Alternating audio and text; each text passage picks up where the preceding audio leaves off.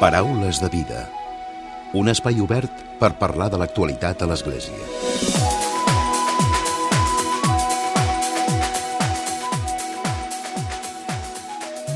Què tal? Salutacions i molt bon dia, molt bon diumenge. Aquest mes d'octubre se celebren les Jornades Europees del Patrimoni i Catalònia Sacra hi ha participat proposant una cinquantena d'activitats per tal de promoure el coneixement i l'accés al patrimoni cultural de l'Església. Una de les novetats d'enguany han estat les sis visites centrades en els oficis relacionats vinculats amb l'estudi, la conservació i la gestió del patrimoni cultural.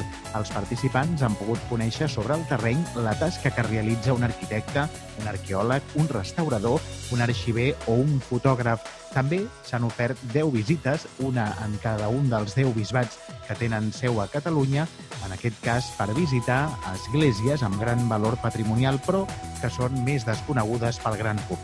Catalònia Sacra ha organitzat també una desena de sessions del taller Desperta el Patrimoni en esglésies rellevants de tot Catalunya. De seguida en parlem. Avui en farem balanç de com han anat aquestes jornades i ho farem conversant amb Dani Font, ell és el coordinador de Catalònia Sacra. I com sempre, a les acaballes del programa, la recta final del Paraules de Vida, ens acompanyarà Francesc Romeu, com sempre, amb un comentari de l'actualitat a punt. Comencem.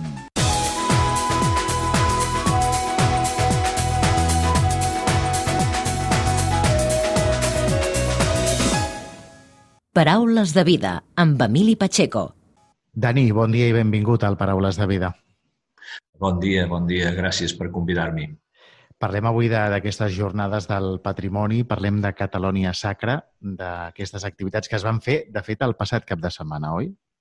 Sí, sí, sí, es van fer el cap de setmana aquest, des del divendres 9 fins al diumenge 11, eh, que són les dates que a tota Europa eh, se celebren aquestes, jo crec que ja són les 25enes jornades o així, el 25 any que es fa aquest cap de setmana eh, dedicat al, al patrimoni cultural en general.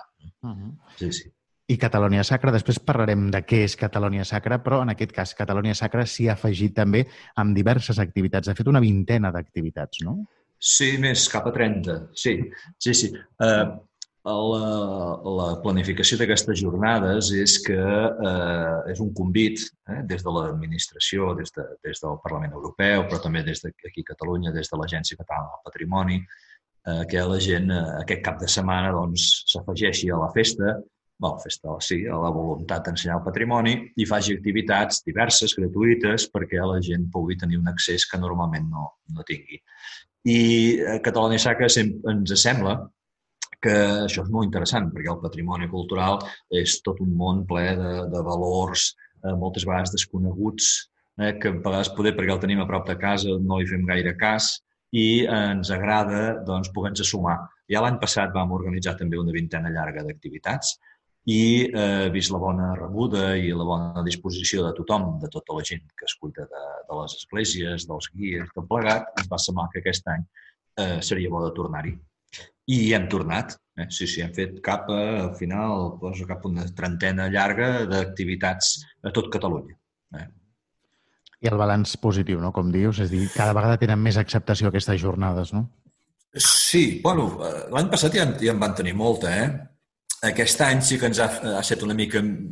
ens ha sapigut més greu perquè hem hagut de reduir el número de possibles assistents a, a les activitats. I, és clar això ha fet doncs, que ja poc després d'haver tret eh, tota l'agenda d'activitats ja estaven les idees plenes. Llavors molta gent ha seguit trucant perquè voldria i, i hagués volgut participar i no, no ha pogut. Eh? Mm. Però sí, sí, una, una gran acollida. Aquest any també ha estat, eh, ha estat interessant perquè hi ha hagut dues novetats respecte a l'any passat. Eh, perquè les activitats típiques són doncs, fer visites guiades gratuïtes al patrimoni, eh? obrir les coses que a vegades no estan obertes o que estan eh, més tancades o coses, llocs que no, que no té activitat turística. I això també ho hem, ho hem seguit fent, eh? hem visitat espais d'església des de Tortosa fins a la Vall de oi? que poder no tenen en general aquest coneixement. Però sí que hem fet dos, dos tipus d'activitat que, que han estat molt bé, Eh, una ha estat eh, la, la programació de converses o de visites guiades amb professionals del patrimoni. Això és molt interessant. Eh, perquè en el camp del patrimoni cultural nosaltres quan el anem a visitar doncs normalment eh, doncs ja està obert, està endreçat, però eh, hi ha tot un seguit de professionals al darrere que moltes vegades coneixem poc la seva feina. No? Els restauradors, per exemple, arquitectes, arqueòlegs, eh, arxivers, fotògrafs, no? tot un seguit de gent que eh, treballen al patrimoni i que la gent podia no ho coneix. I vam organitzar aquestes, eh, al final vam fer sis visites eh, en un format que Catalunya Sacra és el que ens agrada sempre, que és trepitjar patrimoni. Eh? Eh, I vam fer una visita amb un arqueòleg eh, a la Catedral de Vic, per exemple, on ens va explicar què fa un arqueòleg i vam poder visitar el jaciment que hi ha obert a hores d'ara al claustre. Vam fer unes, un parell de visites a Cardona amb l'arquitecte Carles Freixas, que ens explica la, la restauració. Vam anar, i això ens va fer molta il·lusió, a l'arxiu de eh, diocesà d'Urgell amb mossèn Benigne, que li havien donat fa tres setmanes la Creu de Sant Jordi, que ens expliqués què fa un arxiver. Aquí va ser totes les coses que ens va saber més greu, perquè, és clar només hi havia 10 persones, 8 o 10 Han persones. Han estat grups reduïts, no? Clar. Sí, i és empipador, no? perquè una visita tan, tan eh, impactant com és visitar l'arxiu d'Urgell amb mossèn Benigne, doncs va ser poca gent que va tenir aquest privilegi. No? També vam estar a la Catedral de Barcelona amb un fotògraf explicant què fa un fotògraf. De... I això va ser molt, una, un tipus d'activitat que si l'any que ve, eh, Déu ho vulgui, eh, i tornem a, a ser-hi, ens agradarà ampliar-ho, no? perquè a la gent li agrada molt conèixer doncs, què fa, què fan els professionals, com s'ho miren, quins problemes tenen, no? com, com encara un restaurador una, la, la, la restauració d'una pintura, eh, etc. Aquí, pel restaurador vam anar a visitar el centre de restauració de, de, de béns mobles de la Generalitat que hi ha a Vall d'Oreig, que és un centre que els bisbats sort en tenim, eh? perquè sempre estan doncs, a punt per, per donar-nos un cop de mà i vam anar a visitar. Això va ser un tema molt... Eh, unes visites molt agraïdes i, i molt interessants que si podem, doncs, repetirem. Aquesta I llavors, estat, per tant, una de les novetats, no, Dani? Sí, sí, sí, sí. Això no ho havíem fet, sempre, no, no, sempre fèiem doncs, visites guiades obríem espais i això ens vam dir, home, ostres, el que fa aquesta gent és, és, és, és bo de saber, a la gent li interessa. I, I la veritat és que va tenir totes una, una gran recepció. I això, hem, ja va trucar un, un amic nostre, historiador de l'art, i diu, home, no has posat cap historiador de l'art? Bueno, home, doncs l'any que ve... Per l'any que ve, no? Per l'any que ve. L'any que ve, eh, farem, ja li vaig dir, pots començar a preparar quina visita faràs, eh? perquè, és clar, eh, no és una conferència sobre un historiador, ha de ser una... s'ha de conèixer patrimoni, no? Clar. I bé, vol dir que, que la idea és bona ah. i que l'any que ve insistirem, eh, si, si podem. Eh. I la segona novetat? La segona novetat va ser que ens vam afegir a una iniciativa que, que, que, ha, que ha generat de, de nou l'Agència Catalana del Patrimoni, que és eh, a partir d'una aplicació per telèfon mòbil escanejar patrimoni, eh, elements de patrimoni moble i eh, generar-ne una imatge en tres dimensions. Això és una cosa eh, curiosa, és un, una, una eina que tenim de treball en el, en el, eh, sobre el patrimoni i que, clar, ningú se li acut que amb el teu mòbil pots generar una imatge i llavors aquesta imatge la pots agafar i posar-la en un altre lloc. No? Aquestes tècniques eh, la Generalitat eh, em van dir, eh, la campanya aquesta em van dir desperta el patrimoni, no? fer, fer viu el, el patrimoni cultural, despertar-lo. I vam, eh, ens van demanar els de l'agència, que ja que, bueno, que evidentment tenim les portes de les esglésies, doncs que eh, organitzéssim tallers d'aquests, per aprendre a fer aquest, aquesta feina i vam organitzar una desena de, de tallers, dos des de Montblanc, eh, a la Catedral de Girona, a la Catedral Museu Diocesà de Barcelona, a Breda mateix. No? Vam estar a Manresa o Ripoll, a Sant Cugat, al monestir, fent aquest tallers perquè la gent que, que té aquesta, aquesta inquietud de, de fer anar un mòbil i de generar una imatge doncs pogués eh, aplicar-ho al patrimoni. I va ser divertit. Eh? És, bueno, és, és un camp, això del 3D. Uh -huh. És un camp llarg i eh, extens. Però a la gent li va agradar poder, amb el seu mòbil, acabar generant un ninotet, oi? Eh, que també t'ajuda a fixar-te bé en el patrimoni. Però es passem molt ràpid i ens costa concentrar-nos. És, és una altra manera ser... més, no? Uh -huh. Sí.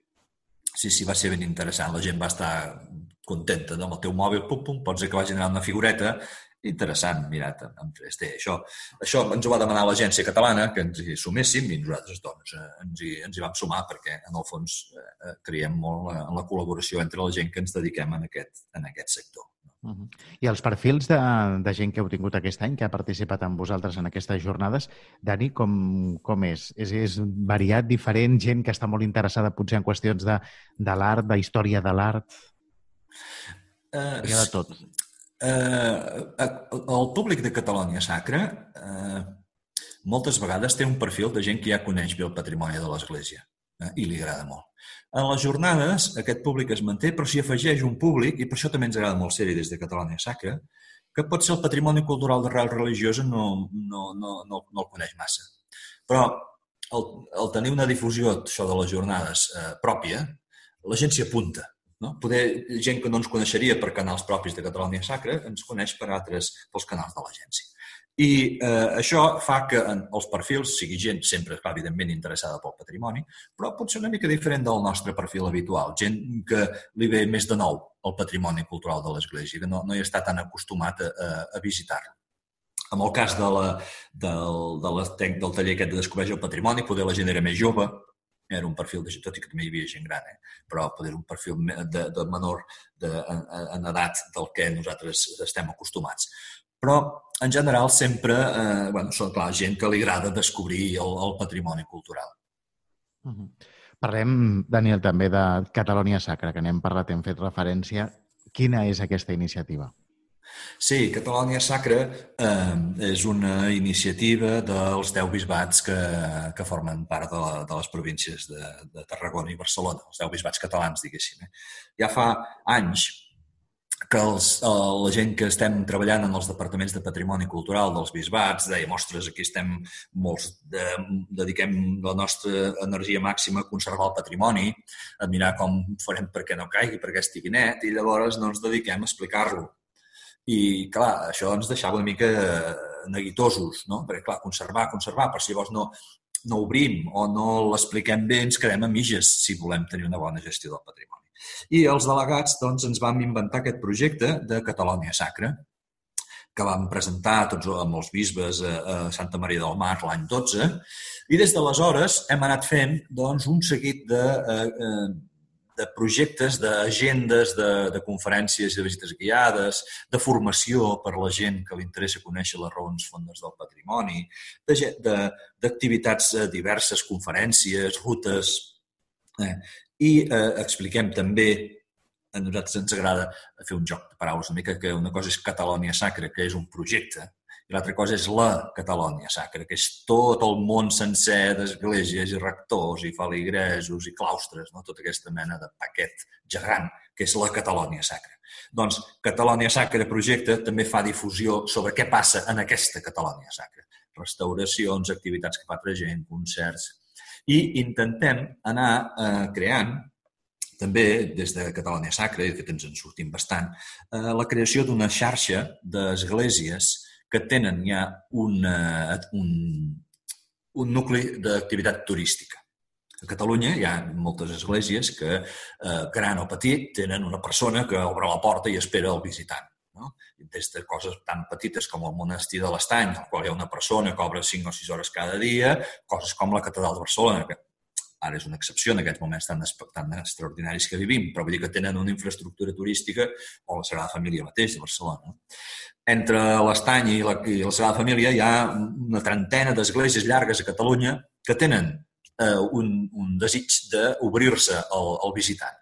I aquestes esglésies hem creat una, una xarxa en els quals ens trobem sovint i intentem doncs, millorar la nostra gestió, intentem oferir productes conjunts, eh, intentem anar a veure les administracions, no? de tal manera que l'església sencera, sencera, sencera, en la part patrimonial, puguem tenir un rostre i puguem tenir una, eh, una interlocució perquè doncs, eh, el sector turístic, el sector públic, pugui, doncs, puguem entrar en un, en un diàleg per afavorir sempre eh, la visita a les nostres esglésies perquè aquestes visites siguin riques i no siguin així eh, de, eh, de fer una mirada i s'ha acabat, sinó que hi pugui haver un guia, que aquest guia ho expliqui bé, que aquest guia expliqui tant el que és la part, de la pell de l'edifici, però també expliqui eh, una miqueta doncs, quin és el sentit de, del patrimoni, etc. Anem empenyent, tots els bisbats junts, aquesta visió positiva, eh, fresca del patrimoni cultural, que és ple de valors històrics, artístics, espirituals i que és molt positiu per a la societat. No? I Catalunya que està aquí empenyent. Això. És una mica això, no? O sigui, el, el que comentes, la vessant potser més turística o més eh, lúdica per la gent, tot i que respectant mm. aquests valors, no? el que representa aquest patrimoni arquitectònic mm. de l'Església, no? els valors espirituals, sí, sí. culturals, no? Mm -hmm. Exacte. Sí, perquè eh, estem en un moment que eh, el patrimoni és valorat pels seus valors eh, físics, eh, històrics, artístics, eh? i per altra banda el patrimoni és fet servir com a l'eina que és no? per celebrar els sacraments o, o qualsevol, qualsevol activitat litúrgica o pastoral. Llavors, nosaltres intentem estar una mica aquí al mig. No? És dir, eh, quan, quan programem les nostres formacions intentem explicar aquestes dues eh, vessants del patrimoni i intentem que la gent que pugui venir a, a visitar les esglésies en Catalunya Sacra sigui, puguin portar-se aquestes dues eh, mirades que són complementàries, tant una com l'altra, evidentment, són legítimes i són fantàstiques, eh? però eh, una sense l'altra poder a vegades queda una mica, una mica curt. Al, al llarg de l'any, Dani, aneu fent activitats, com dius, no, llavors? Sí. Aquest any ha estat molt rarot, eh, la veritat. Perquè és rarot a tot arreu, cada any... no? Sí, sí, sí. Cada any pel febrer presentem l'agenda, que són eh, una quasi bé 40 actes que es aniran desenvolupant cada setmana durant tot l'any, fins ara pel novembre, en els bisbats, en els diferents bisbats. Cada bisbat eh, proposa en aquesta agenda una visita guiada a una església, una conferència sobre un retaule, una ruta per dues o tres esglésies i eh, ho ordenem tot en una agenda de tal manera que la, la gent que estigui interessada doncs, eh, pot dir, doncs, oh, mira, dissabte on va? No? Dissabte al Santuari dels Colls. Vale. Doncs llavors la gent s'apunta a través de la pàgina web i eh, fa la visita al Santuari dels Colls. Aquesta agenda la solem presentar això pel febrer. Aquest any la vam presentar a la Sagrada Família d'un acte molt, molt emotiu i interessant el dia 11 de març i tres dies després ens van tancar a casa. De tal manera que havíem presentat una agenda de 40 actes i eh, el primer ja no el vam poder fer sí que han estat tots cancel·lats fins ara pel setembre. Al setembre vam tornar a començar, a la, vam fer com si no hagués passat res i vam seguir programant els actes i encara de moment a, a dia d'avui, diguéssim, tenim activitats previstes per, per la setmana que ve i cada cap de setmana fins a finals de novembre. Mm. Aquestes activitats estan a la web de Catalunya Sacra, catalunyasacra.cat, i la gent pot veure una miqueta de què va l'activitat, pot veure uh, l'hora i llavors doncs, s'hi apunta. S'hi apunta i bé, jo vindré i, i, i ja està, el tenim. Això és una activitat que fem i llavors també fem el curs de formació. Cada any fem uns, eh, obert a tothom, però pensat per gent que, ha, que ha d'interpretar el patrimoni, per guies turístics o per professors o això, obert a tothom, però, eh? que eh, fem eh, cada curs té quatre sessions i cada sessió es fa en una església diferent. Hi ha una part de la formació que és genèrica, sobre iconografia o, o litúrgia o, o els ornaments o el mobiliari barroc o el que sigui, i llavors hi ha una altra part que és de visita intensa a l'equipament on, on som. L'any passat vam ser la Vall d'Aran, vam ser al Santuari dels Colls, vam ser al Monestir de les Avellanes, Santa Maria de Barberà... Eh? Cada, cada formació té lloc diferent, eh, una església diferent i en un bisbat diferent. Per això, si nosaltres aquí som federals al màxim, eh? Sí, som 10 bisbats. Transversalitat. Exacte. I llavors cada, cada sessió passa en una església d'un bisbat diferent. Uh mhm. -huh. Això són les dues coses que la gent s'hi pot eh, afegir. Doncs eh, avui ho hem conegut també al Paraules de Vida, tota l'activitat que fa entre, en aquest cas, eh, Catalunya Sacra. Dani, gràcies per haver-nos acompanyat avui. Sí, home, gràcies a vosaltres. A disposar. Paraules de Vida. Directe als valors. Directe a tu. I tot seguit, com sempre, arriba el comentari de l'actualitat de Francesc Romeu. Francesc, molt bon dia. Molt bon dia a tothom. Tal i com fèiem diumenge passat, recollim també avui la part més propositiva de la nova encíclica del papa francès titulada Fratelli Tutti, és a dir, germans tots, sobre la fraternitat i l'amistat social. En el capítol cinquè, que és el que ja ha generat més polèmica, és on el papa es posiciona més políticament, atès que es distancia ben clarament dels postulats dels partits de la dreta més conservadora o del neoliberalisme i del populisme actual i anima els polítics a resoldre realment els problemes socials i fins i tot en dona algunes eines, com poden ser la tasca educativa, el desenvolupament d'hàbits solidaris, la capacitat de pensar la vida humana més integralment, la fundària espiritual, diu el papa, són necessàries per donar qualitat a les relacions humanes, de manera que sigui la mateixa societat la que reaccioni davant de les iniquitats, les desviacions, els abusos dels poders econòmics, tecnològics, polítics o mediàtics. Però l'afirmació més forta contra el liberalisme és quan diu que el mercat sol no ho resol tot, encara que altre cop ens vulguin fer creure aquest dogma de la fe neoliberal. En aquest sentit, el papa proposa que la política no es retiri del control de l'economia, ni que tampoc se sotmeti a la, la política a l'economia o a la tecnocràcia. Al contrari, necessitem una política que pensi amb una visió àmplia i que regeixi els diversos aspectes de la crisi actual. Entre línies es pot entendre que el papa demana que els cristians no ens retirem del camp de la política activa, sinó que ens anima a treballar-hi amb el desig de canviar-la, deixant d'entendre-la com un poder i mirant-la més com un servei. El capítol sisè està dedicat pràcticament a la cultura del diàleg, en un context en el qual el papa assenyala la seva manca a l'hora d'afrontar conjuntament els problemes. Una proposta que fa Francesc és la de saber utilitzar les actuals formes de comunicació d'una manera més eficaç i diu la pau social és laboriosa, artesanal. El cabal és generar processos de trobada, processos que construeixin un poble que sap recollir les diferències. Armem els nostres fills amb les armes del diàleg. Ensenyem la bona batalla de l'encontre. En aquest punt, el papa critica l'individualisme consumista perquè provoca molt d'atropellament. Això s'accentua i arriba a nivells exasperants en èpoques de crisi, en situacions catastròfiques, en moments difícils, on surt a plena llum l'esperit del campi qui pugui. No obstant això, encara és possible optar pel conreu de l'amabilitat. Hi ha persones que ho fan i es converteixen en estrelles enmig de la foscor. El capítol setè, el papa el dedica a saber descobrir camins de retrobada i de pau i subratlla dos aspectes que són molt importants, la memòria i el perdó.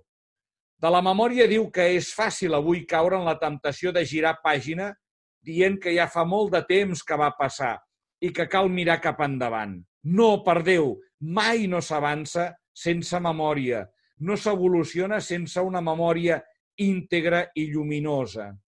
Pel que fa al perdó, el papa afirma que el perdó és precisament allò que permet buscar la justícia sense caure en el cercle viciós de la venjança ni en la injustícia de l'oblit. Pel que fa a la pau mundial, el papa afirma que no podem pensar en la guerra com a solució, perquè els riscos probablement sempre seran superiors a la hipotètica utilitat que se li atribueixi. Davant d'aquesta realitat, avui és molt difícil sostenir els criteris racionals madurats en altres segles per parlar d'una possible guerra justa. Mai més guerra. Una afirmació que el papa també el porta a posicionar-se ben clarament contra la pena de mort i mostrar el seu rebuig, cosa que mostra fins a quin punt és possible reconèixer la inalienabilitat de la dignitat de tot ésser humà i acceptar que tothom tingui un lloc en aquest univers.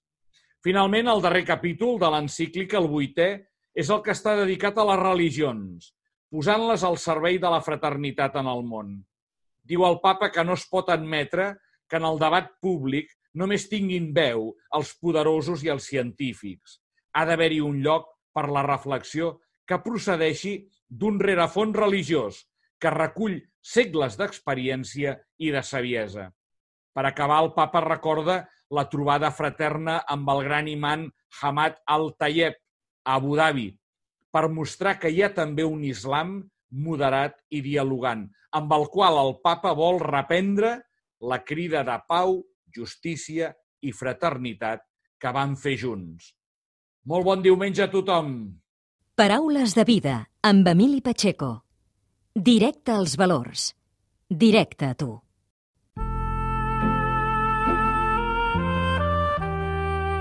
Us oferim la carta dominical de l'arcabisbe de Barcelona, Joan Josep Omella. Déu vos guard. Aquest diumenge celebrem el Diumenge Mundial de les Missions, conegut popularment com el Domund. En el marc d'un mes d'octubre, que és per als catòlics un mes missioner, l'Església celebra aquesta jornada en què el papa Francesc ens anima a donar suport als milers de persones que anuncien la bona notícia arreu del món i que som prop dels que més pateixen, especialment en aquest temps de pandèmia. L'Església continua la missió de Jesús a la història i ens envia per tot arreu perquè, a través del nostre testimoni de fe i de l'anunci de l'Evangeli, Déu segueixi manifestant el seu amor i pugui tocar i transformar cors, ments, societats i cultures a qualsevol lloc i en qualsevol moment, ens diu el papa Francesc en el missatge que ha preparat per a aquesta edició del Dòmun i que va fer públic en la solemnitat de Pentecosta. Els missioners i les missioneres han tingut sempre molt clar que l'evangelització implicava tant l'anunci de Jesucrist com també la promoció social i la defensa de la dignitat de les persones. Els missioners són els primers testimonis de l'amor de Crist per a tots els qui no el coneixen. Els missioners són també agents de comunió i de promoció de la justícia i fraternitat entre les persones i entre els pobles. Els missioners no abandonen mai als seus germans quan arriba la guerra o l'epidèmia. Ells són el veritable testimoni de l'amor de Déu i de l'Església per a tota la humanitat. Aquest any, el lema de la Jornada Mundial de les Missions és aquest. Aquí em tens, envia a mi. I ens recorda les paraules del profeta Isaías en resposta a la crida que va rebre de Déu. La primera part del lema Aquí em tens mostra la disponibilitat del missioner a complir amb la missió a la qual Déu el convida a col·laborar. La segona part, envia a mi, fa referència a l'origen de la missió. És Déu qui ens envia. Des de que Jesús va enviar els seus deixebles per anunciar l'Evangeli als confins de la terra, la història de l'Església s'ha anat teixint amb milers de missions en tot el món. Per tant d'arribar als llocs més llunyanys del món, on encara no coneixen Jesucrist ni el seu missatge d'amor i esperança, el papa compta amb les obres missionals pontifícies, la xarxa mundial que sosté la missió i les esglésies joves arreu del món amb la pregària i la caritat. Una vegada a l'any, a motiu de la jornada del Dòmun, convoquem una col·lecta extraordinària per sostenir aquesta presència i labor de l'Església. Com ens recorda el papa Francesc en aquest missatge, aquesta col·lecta té com objectiu afrontar les necessitats espirituals i materials dels pobles i de les esglésies del món sencer i per a la salvació de tots. Benvolguts germans i germanes, moltes gràcies per la vostra contribució econòmica, especialment aquest any en què les famílies pateixen els embats d'una crisi social i econòmica molt severa. Déu agraeix i beneeix la vostra pregària i el vostre esforç econòmic. Moltes gràcies. Us hem ofert la carta dominical de l'arcabisbe de Barcelona, Joan Josep Omella.